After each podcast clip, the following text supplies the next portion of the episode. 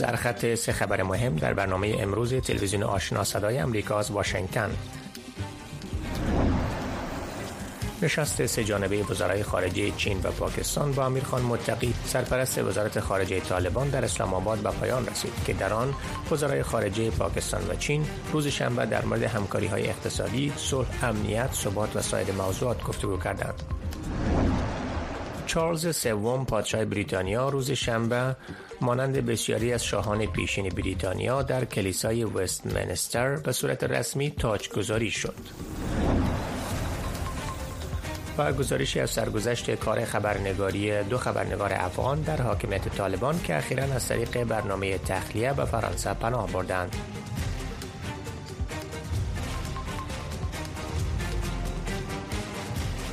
سلام بینندگان گرامی. به برنامه امروز خوش آمدین. امروز یک شنبه هفتم ماه می سال 2023 میلادی است برنامه امروز به طور مستقیم از طریق وبسایت و فیسبوک صدای امریکا به نشر می‌رسد و البته برای موج رادیو هم روی موج متوسط 972 کیلوهرتز به نشر می‌رسد. من محمد احمدی هستم. نشست سه جانبه وزرای خارجه چین و پاکستان با امیرخان متقی سرپرست وزارت خارجه طالبان در اسلام آباد با تأکید بر تقویت روابط اقتصادی منطقه و تأمین ثبات در افغانستان به پایان رسید. امیرخان متقی سرپرست وزارت خارجه طالبان که حکومت آنها توسط هیچ کشوری در جهان به رسمیت شناخته نشده با بلاول بوتو زرداری وزیر خارجه پاکستان و چنگنگ وزیر امور خارجه چین روز شنبه در مورد همکاری های اقتصادی، صلح، امنیت، ثبات و سایر موضوعات گفتگو کرده است. بعد از این نشست وزرای خارجه پاکستان و چین در کنفرانس خبری مشترک حاضر شدند ولی امیرخان متقی در آن حضور نداشت در این کنفرانس خبری بلاول بوتو زرداری وزیر امور خارجه پاکستان صحبت افغانستان را برای منطقه مهم خواند. بر اساس گزارش رسانه های چینی چنگنگ وزیر خارجه چین به روز شنبه با امیرخان متقی سرپرست وزارت امور خارجه طالبان ملاقات کرد. و خواستار ادامه گفتگوها در زمینه همکاری چین افغانستان و پاکستان بر اساس اصل منافع متقابل شدند. چنگنگ گفت اظهار امیدواری کرد که طالبان با اتخاذ سیاست های میان رو یک دولت فراگیر را در افغانستان ایجاد کند. امیرخان متقی در رأس یک هیئت طالبان روز جمعه برای یک سفر چهار روزه به اسلام آباد رفته بود. طوری که در خبر ذکر شد وزرای خارجه چین و پاکستان در نشست سه جانبه افغانستان پاکستان و چین از افزایش تهدیدات روز افزون تروریسم در افغانستان ابراز نگرانی کرده و از طالبان خواستند تا به این نگرانی ها رسیدگی کنند. برای بررسی اهمیت این دیدارها و تاثیر آن بر تعامل چین و پاکستان با حاکمیت طالبان از بعد امنیتی با آقای حیدر عدل تحلیلگر امور سیاسی صحبت می‌کنیم. سلام آقای عدل خسته نباشین. مباحث امنیت و نگرانی و دغدغه چین و پاکستان از افغانستان تحت حاکمیت طالبان در این دیدار برجسته شده.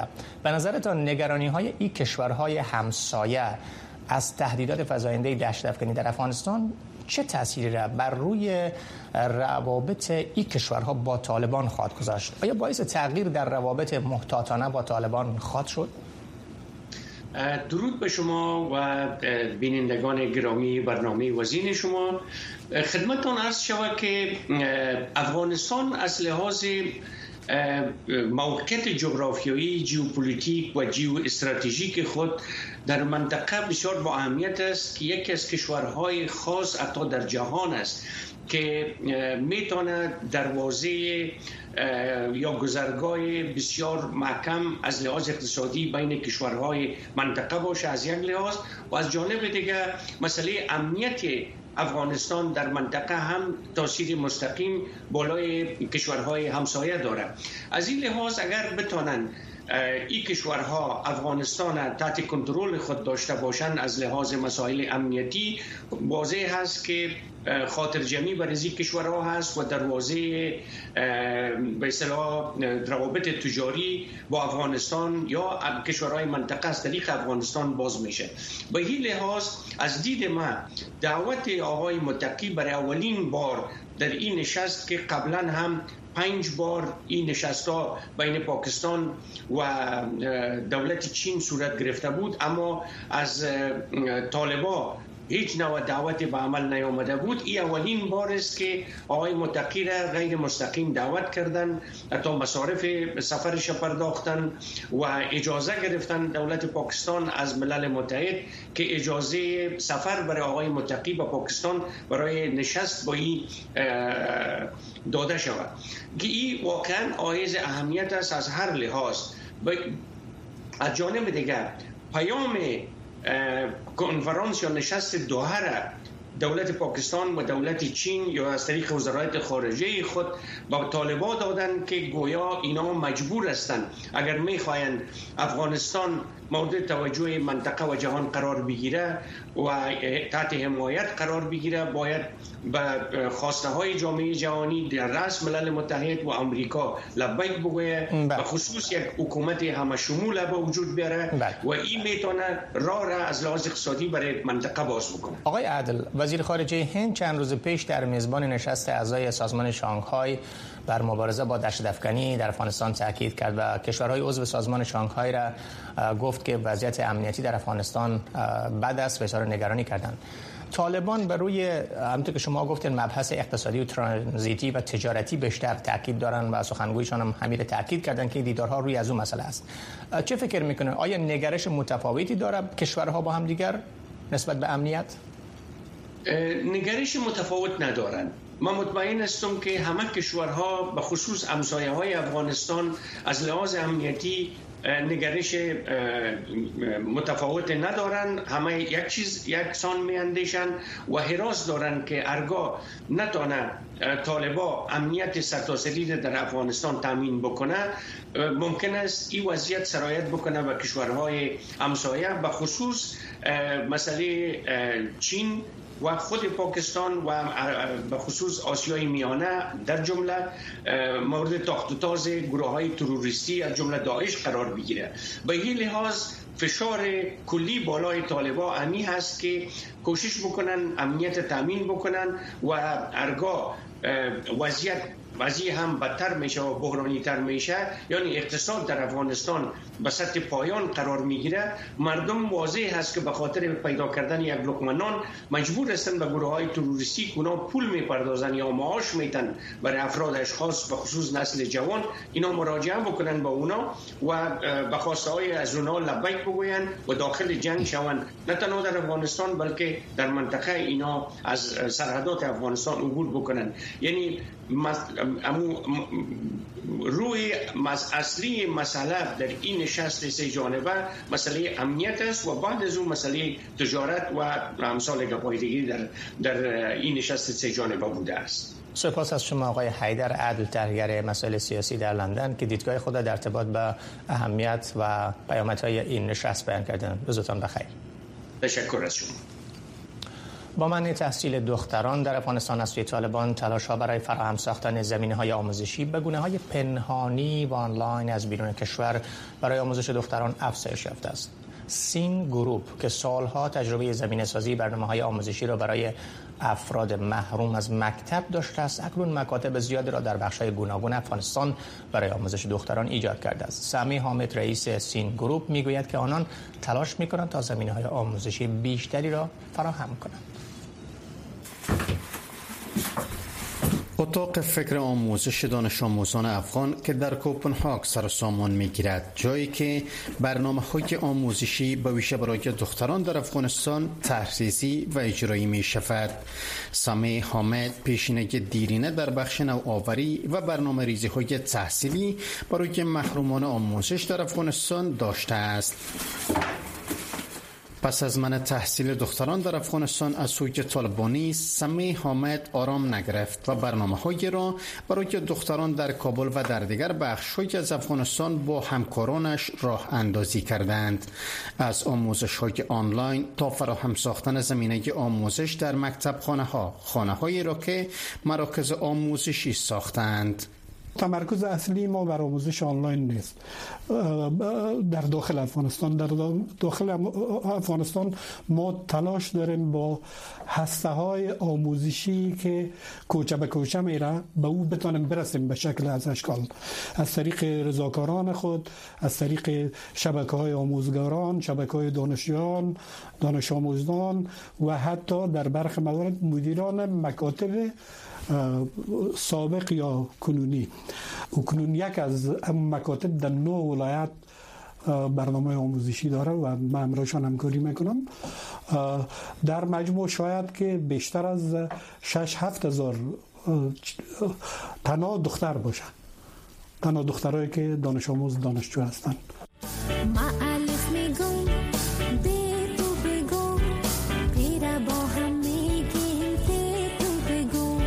از سالها پیش سین گروپ برنامه های آموزشی برای کودکان به در روستاها داشته است. برنامه هایی که بیشتر از سوی کودکان آماده و ارائه می شده است. درست چون محتوای این ترانه ها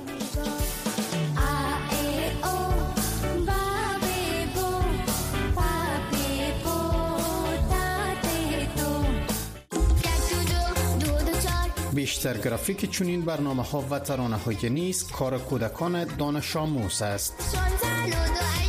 با کودکان و نوجوانان برای کودکان نوجوانان کتاب نوشتیم. چندین کتاب نوشتیم که بعضش چاپ شده در افغانستان پخش شده. سین گروپ می کوشد که کمتر به گونه آنلاین و اما بیشتر آموزش های حضوری داشته باشد. زیرا با این کار می توانند که به گونه بهتری بر نیازهای دانش آموزان رسیدگی کنند. مواد درسی برای دانش آموزان دختر در درون افغانستان نیز اغلب به گونه چاپی در اختیار آنان قرار می گیرد چیزی که بیشتر پنهانی و از سوی آموزگاران مکتب ها و آموزشگاه ها این کار صورت می گیرد افرادی که با سین گروپ هم کاری دارند. باید تلاش بسیار جدی شد و فشار بینی بیاید که دروازه مکتب باز شود. اما در دروازه مکتب که باز هم شود این حکومت تروریستی مغزها را بسته می‌خواهند یا نصاب و کنترل می‌کنن به این سبب به هر صورتش نیاز به آموزش های جاگزین است. من تحصیل دختران در افغانستان که جهان را در شوک آورد.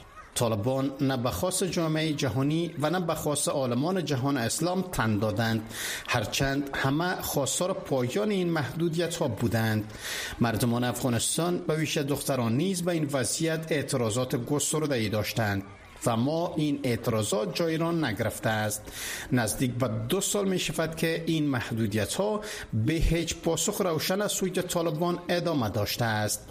عبدالولی اورگن تلویزیون آشنا صدای امریکا کوپنهاگ رویا رحمانی سفیر پیشین افغانستان در واشنگتن دی سی می‌گوید که برگزاری نشست دوحه تأثیری بر موقف طالبان در برابر مردم افغانستان به خصوص تغییر رفتار آنان با زنان افغان ندارد.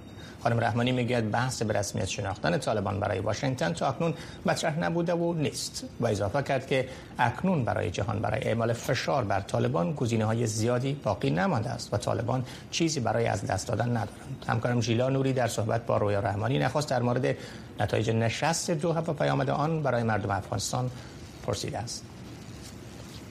کنفرانس که دی دو روز اخیر جریان داشت ما اطمینان زیاد ندارم که تاثیر بسیار خاص در قبال موقف طالبا داشته باشه البته برای طالبا یک چیز خاطر نشان ساخت که اینا با امی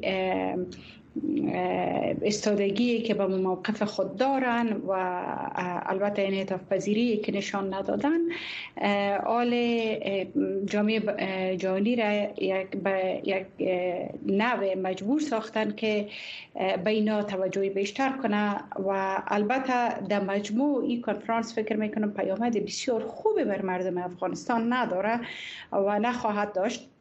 به خاطر مخصوصا ای که بحث رسمیت یا برسمیت شناختن اینا یا تحویل کرسی سازمان ملل در اینجا مطرح شود. سخنگوی ملل متحد این مسئله رد کرد که اونا این نشست وقت مشروعیت بخشیدن یا به رسمیت شناختن طالب برگزار کرده باشن اما با هم اعتراضات زنای افغان و نشوریدن صداشون در این نشست تا حد واکنش برانگیز بود. نظر شما در این چی است که در اینجا خانمای افغان یا افراد مثل شما دیپلمات هم باید سهم می داشتین که سهم نداشتین و از شما دعوت نشده بود. وقتی که ما این مسئله را بررسی می‌کنیم این مسئله این نیست تنها که زنای افغانستان دعوت نشده بود یا کدام گروه از افغان ها دعوت نشده بود افغان ها در کل دعوت نشده بود. و اگر این ما بیشتر برای شما توضیح کنم یکی از مسائلش در بحثایی که ما در شامل بودیم می بوده که در بین افغان ها هیچ کدام توافق مشخص وجود نداره که کیها می‌تونه که از اینا نمایندگی کنه. افغان هایی که در بیرون از کشور وجود هستند و با هم یک توافق نظر ندارن و یک اندازه به هم درگیر هستند اونایی که در داخل هستند همچنان عین مسئله را دارن و اونایی را که در بیرون هستند قبول ندارن. و همچنان آل یک گروپ امو زمام قدرت دست داره که قابل قبول به بیشتر نه, نه به اونایی که در داخل است و نه به اونایی که در بیرون است است ولی متاسفانه اونو قدرت دست دارن. فکر می‌کنم اگر زنان حضور می داشتن مخصوصا زنانی که در افغانستان هستند نماینده های از اونها اگر حضور می داشتن. او یک پیام بهتر می رساند. اقل یک نشست جانبی اگر امرای از اونها می داشتن. پیامش محکمتر می بود. ولی واقع بینانه اگر هم مسائل بررسی کنیم بسیار واضح است که بدون حضور یا با حضور زنان طالبا در موقف خود کدام تغییر بسیار خاص هم ناوردن. فکر نمی کنم که اینا ای امو اثر داشته باشه که اونا را مجبور به سازه که بیارن. من تایید می کنم از تمام تماسایی که ما هم داشتیم که بر رسمیت شناختن طالبا توسط کشورهای دیگه اصلا مطرح بحث نیست. برعکس سوالی است که چطور ما می‌تونیم که امرای مردم افغانستان همکاری کنیم بدون از اینکه اینا را به رسمیت بشناسیم؟ به خاطر که امرای از اینا کار بسیار مشکل است. به هر حال برای سازمان ملل متحد راه دیگری برای اعمال فشار بر طالبان باقی مونده اگر منظور شما این است که بر رسمیت شناختن است که غیر از دیگه کدام آله فشار دیگه وجود نداره ممکن است که یک اندازه امو فرصت فشار آوردن به طالبا میسر بسازه. ولی به اندازه بسیار زیاد نه. به خاطر از که این هم باید متوجه باشیم که اگر یک بار اینا دستیاب شدن به این کرسی بعد از او در تاریخچه سازمان ملل بسیار به ندرت یا تقریبا نمی‌بینین که کدام غیر از که تغییر رژیم های آمده که از یک حکومت بازو کرسی دوباره پس گرفته شود. و اینا این مسائل بسیار به خوبی درک می‌کنن. یعنی بسیار به یک معامله کوچک شاید اینا فکر می‌کنن که ما می‌تونیم که یک دستاورد بسیار بزرگ داشته باشیم یک مسئله که برشان مهم است. اگر باز هم در مورد حضور زنان در نشست رو هست اگر کم بیشتر صحبت کنیم امینا محمد اخیرا اظهاراتی که داشت باعث واکنش شدید مدافعین حقوق زن و بشر شد که اما با آن هم که زنای افغان آزرده هم شدن اما از اونا در این نشست دعوت نشد. این نبودن زنای افغان در همچون نشست ها چی پیام بر طالبا داره من فکر می‌کنم کدام پیام بسیار خاص مشخص نداره خب اگر دعوت می شدن فکر می کنم که بیشتر نشان می‌داد که جامعه جهانی توجه بیشتر داره. ولی تمام اعلامیه ها تهدیدات سخنرانی ها واکنش ها و تقبیه هایی که از طرف جامعه جهانی تا حال صورت گرفته چی فرق را در عمل کرده از اون آورده ما شما شاید هستیم که اصلا نه. و تا گاهی هم واکنش که اونا داشتن منفی بوده. بیشتر مشکلات بر زنای افغان ایجاد کردن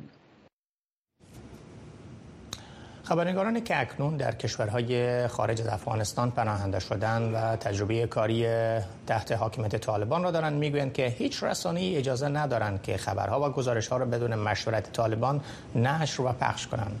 جلال میرزاد خبرنگار صدای آمریکا در فرانسه از سرگذشت دو خبرنگار که در حاکمیت طالبان کار خبرنگاری کرده است گزارشی را ترتیب کرده است. سپتامبر از جایی که اطلاع رسانی زیر حاکمیت طالبان. پوشش اعتراض زنان در جاده های کابل. سمی جهش با همین گزارش زنده نخستین بار لطکو و سرانجام از سوی طالبان زندانی شد. بالاخره این لحظه است که از طرف استخبارات طالبا بازداشت شدم به شمول من سه خبرنگار خارجی که اونام به خاطر تظاهرات آمده بودن بازداشت شدن و چند خبرنگار دیگه. ما را بردن به ریاست استخبارات گروه شورای عبدالق کابل که یک روز بسیار روز خوب نبود نه بر من نه بر خبرنگاران نه بر بانوهای متعرض که به خاطر حقشان آمده بودن. سمی جهش دو دهه فعالیت رسانه ای داشت. اما در شش ماه سه بار زندانی شده است. او می‌گوید که هیچ اراده بیرون شدن از افغانستان را نداشت. اما طالبان آنقدر زمینه را برایش تنگ ساختند که ناگزیر افغانستان را ترک کند. بیش از یک سال در ماجرت و بی سرنوشتی در پاکستان اکنون یک ماست که در فرانسه پناهنده شده است. متاسفانه شش ماه در افغانستان زیر پرچم طالب کار کردیم و طالب کار خبرنگاری را به گونی رسان که باید هر رسانه در آخر روز شش یا ده گزارش را که خبرنگاران تولید می‌کردن او را باید ارسال می‌کردن به وزارت اطلاعات و فرهنگ. اونا تصمیم می‌گرفتن که کدام گزارش نشر شوه یا نشوه خبرنگاران زیر حاکمیت طالبان با سرنوشت مشابه روبروستند زهره نوا در رسانه چاپی و آنلاین خبرنگار بود. به کندهار و ننگرهار برای پوشش رویدادهای کشته شدن نظامیان پیشین و گزارش از وضعیت زنان رفته بود. اما می‌گوید که نشر همین گزارش ها خشم طالبان را برانگیخت و آنان در تلاش گرفتاری او پاچه برزدند و حتی خانهش را بازرسی کردند. مدت کار من در افغانستان با حکومت طالبان ما هر روز با شکنجه روحی روانی گرفتار بودیم که هیچ اتفاقات عجیب و غریب را ما تجربه کردیم. با اتفاقات بسیار سخت روبرو شدیم. تهدید نظاره بازداشت و حتی بعضا مجبور شدیم که سر کار رفتن نتانیم. حالا دیگر آن تهدیدها نیست و در جای امن در پاریس رسیده. اما می‌گوید که خبرنگاران در افغانستان آزادی ندارند و رسانه ها زیر فشار طالبان خبرها و گزارشها را به میل آنان پخش می کنند. هیچ گونه آزادی را برای رسانه ها در افغانستان نذاشتند فعلا. هیچ رسانه در افغانستان فعلا آزادی نداره حق آزادی بیان در افغانستان وجود نداره حق دسترسی به اطلاعات در افغانستان وجود نداره. رسانه ها فعلا خودتان می‌بینین وضعیت رسانه ها در افغانستان چقدر محدود شده و از هیچ گونه واقعی که در افغانستان اتفاق میفته پوشش داده نمیشه. گرچه طالبان همواره گفتند که به آزادی بیان و فعالیت رسانه ها ارچ می‌گذارند اما فرار و زندانی کردن خبرنگاران و نیز توقف فعالیت شمار زیاد از رسانه ها برعکس این ادعای آنان را به اثبات میرساند. جلال میرزاد تلویزیون آشنای صد امریکا فرانسه.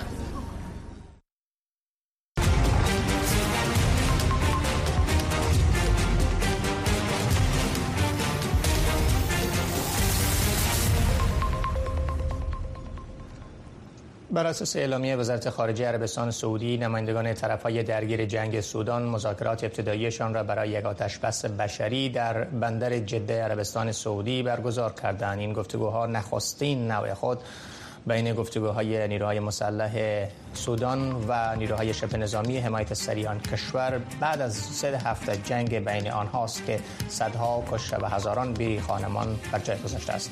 شاهزاده فیصل بن فرهان وزیر خارجه عربستان سعودی در یک پست توییتر نوشت که و همچنین سوار امیدواری کرد که این مذاکرات برگزار شده در جده بین جناهای درگیر سودان به ختم منازعه کشور و اعاده امنیت و ثبات در سودان بیانجامد. گزارش ها حاکی است که هنوز هم حملات هوایی و نبرد مسلحانه در خرطوم پایتخت سودان روز شنبه وجود داشت. کمال کلیچیدار اغلو کاندید ریاست جمهوری از جناح اصلی مخالفین حکومت یکی از مزدهمترین گرد همایی های انتخاباتی خود را در استانبول روز شنبه برگزار کرد.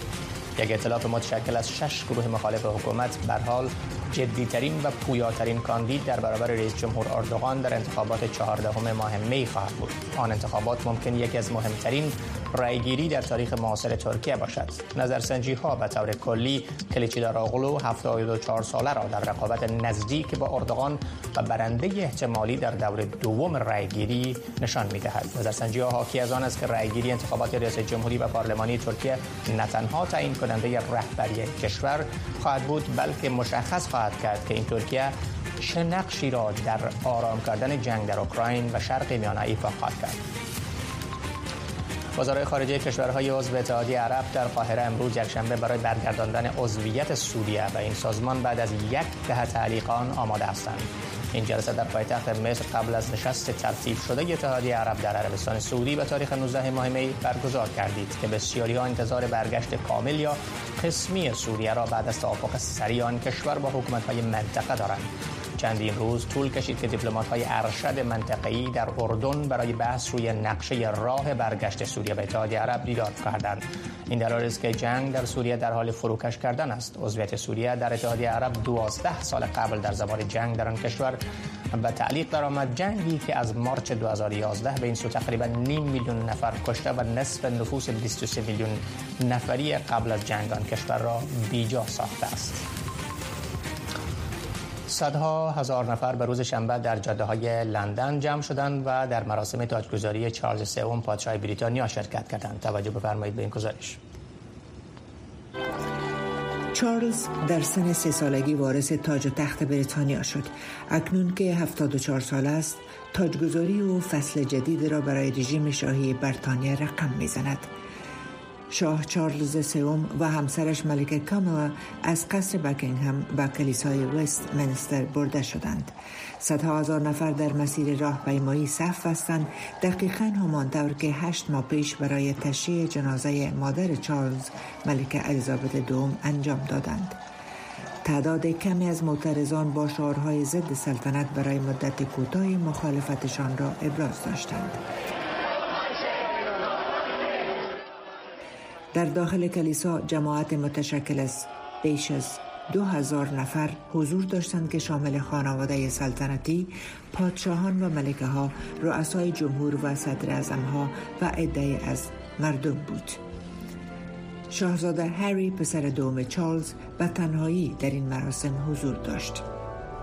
با این حال این روز برای نمایش های خانوادگی نبود بلکه روز برای نمایش شکوه و عظمت و باورهای عمیق مسیحیان بود. برخی از رسوم و آین آنها در طول یک هزار سال بدون تغییر باقی مانده است. سوگند تاجگذاری قرنها پابرجا بوده و در قانون ثبت شده است. آیا حاضر هستید سوگند یاد کنید؟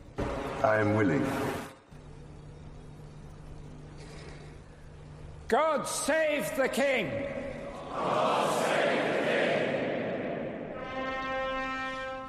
پسر چارلز شاهزاده ویلیام در یک لحظه تاثیرگذار به پادشاه بیعت کرد. من ویلیام شاهزاده ویلز وفاداری خود را به شما تعهد می کنم با ایمانداری و صداقت در خدمت شما می باشم خدایا کمکم کن بسیاری مردم احساس کردند که شاهد بخش از تاریخ بودند. اولین لحظه در زندگی من است. لحظه جادویی چون این رویداد باور نکردنی است. بر فراز موجی از بیرق های برطانیه خانواده سلطنتی در بالکن قصر بکینگهم جمع شدند تا از جمعیت بزرگ پرشور و شوق استقبال کنند. چارلز و کاملا بدون شک با آزمون های روبرو هستند. حفظ سلطنت به گونه مرتبط با جامعه مدرن بریتانیا و مواجه شدن با نقش استعماری بریتانیا در گذشته که اغلب وحشیانه بود. پادشاه عزم خود را برای مقابله با این آزمون ها ابراز کرده است.